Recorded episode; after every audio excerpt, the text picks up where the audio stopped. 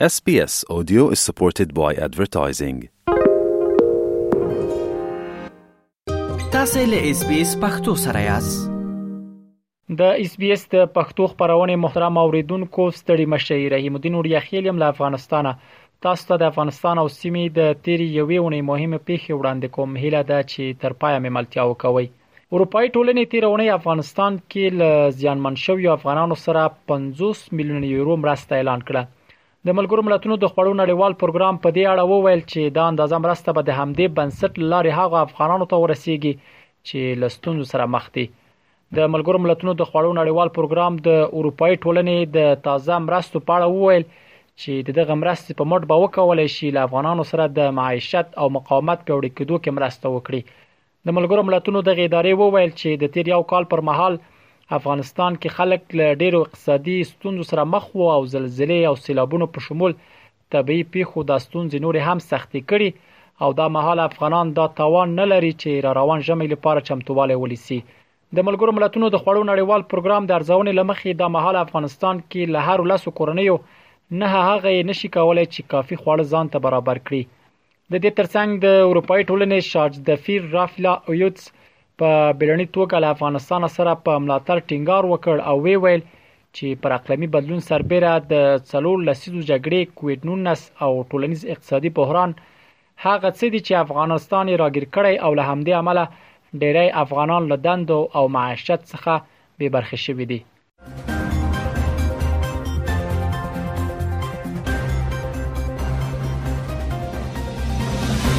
د نویو چاپ شویو افغانیو لومړنۍ جوپه د تیر اونۍ د سه شنبه په ورځ کابل ته راورسیده د افغاني مخکې چاپ شوی وي خو طالبانو نشوي کولای چې افغانستان ته انتقال کړي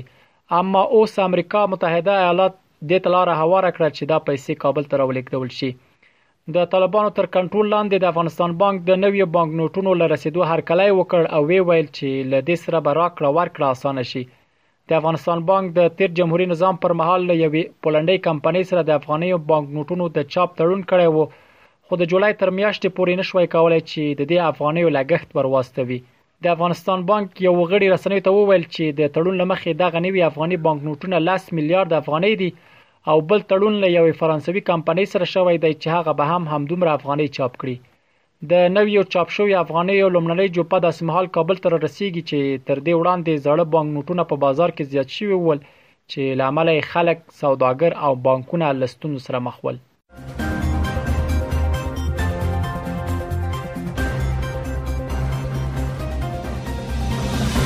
افغانستان کې د تیر شل کلنې جګړې پر مهال د بریټانیي ځواکونو په عملیاتو کې لک تر لګه 4 شپې ته افغان ماشومان وژل شوې دي چې بیا وروسته د هغو کورنۍ ته له همدې کبله تاوان هم ورکړ شوی دی دا شمیر د وسلوالو توتیخوال لپاره یوې خیریه موسسې چیرټي اکشن تیر اونۍ له رسنیو سره شریک کړي د رسنیو په دغه رپورت کې ویل شوی وو چې ډیری دغه ماشومان د 2016 او 2014 کلونو ترمنځ په هلمند ولایت کې د بریتانیوي سرتیرو په پوځي عملیاتو کې وژل شوی دي رپورت کې د ډیری ماشومان د مړینې لامل د بهرنۍ ځواکونو بریدونه او جګړه کې د کیل غوړو ترمنځ نخښتو کې ایثار پاتې کېدل رپورت کې راغلی ول چې هر کورنۍ ته د ورکړل شوی تاوان کچه په پراخ اندازه توپیر لري رپوټ کې ویل شوي وو چې د هر ماشوم لپاره ورکړل شوی تاوان په منځنۍ کچه څه د پاسه یو سل شپېته پاونډه دی. رسنیو په دغه رپوټ کې د بریتانیا د دفاع وزرت له قوله ویلي وو جګړه کې د هر ملکي وګړي وژل کېدل ویرجنه پیښه ده.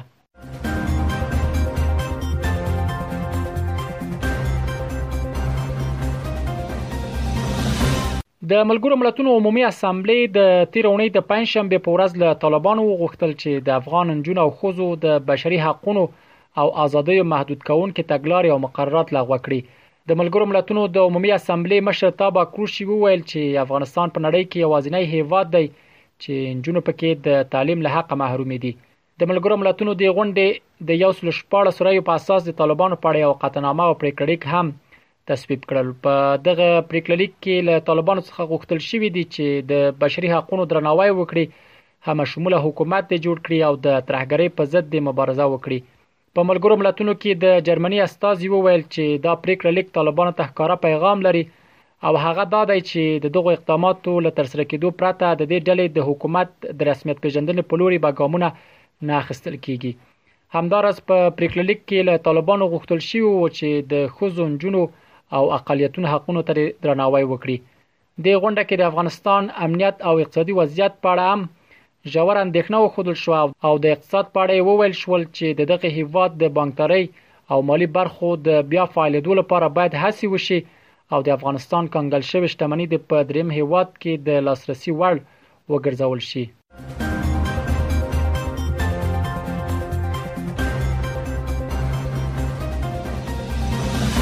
د دې اونۍ د پای موضوع هم دا چې د طالبانو د امر بالمعروف او نهي عن المنکر وزارت تیر اونۍ تفریحي پارکونو او ورزشي کلپونو ته د مرمنو په ورتګ بندیز ولګاوه دا په تیر یو کال کې چې طالبان په افغانستان کې وخت رسیدلی د مرمنو د ازادۍ د سلب کولو په برخه کې د دې ډلې تازه اقدام دی چې اخلي د طالبانو د امر بالمعروف او نهی عن المنکر وزارت وویل چې دوی په تیرو 15 میاشتو کې تر خپل وسه کوښښ وکاوه چې د مرمنو لپاره پارکونه او جیمونه بند نکړي خو خلکو د میرمنو او سړیو ترمنځ د جلاوالي لپاره د صادر شوی حکمونو پروا ونه کړه او میرمنو هم هغه شان حجاب نه مراعات کاوه چې ورته امر شوی وو دوی وویل چې ډیری وخت سړي او میرمن یو ځای پارکونو کې لیدل شوي او دا چې میرمنو ټیکری یې نه په سر کول او یا یې سم حجاب نه مراعات و مجبور شول چې د تړلو پریکړه یې وکوي دوی دا هم وویل چې د دوی ټیمونه به په پارکونو او جیمونو کې د میرمنو ورتګ څاري طالبان له کومې راهیسې چې واک ته رسیدلي پر میرمنو یې بیلابل محدودیتونه وضع کړي اوس مهال میرمنې نشي کولای چې له محرم پرته له کوره بهر شي او باید خپل مخونه پټ کړي او همدارس له محرم پرته داخل او بهر ته هم له بندیز سره مخ دي. دا ول د افغانستان او سیمې د تېرې یوې اونۍ مهمې پېښې چې ما تاسو ته وړاندې کړې. تر بیا ښې چارې. اس پی اس پختو په فیسبوک کې تا کې پلی مطلب یو فاک کړئ نظر ور کړئ او له نورو سره شریک کړئ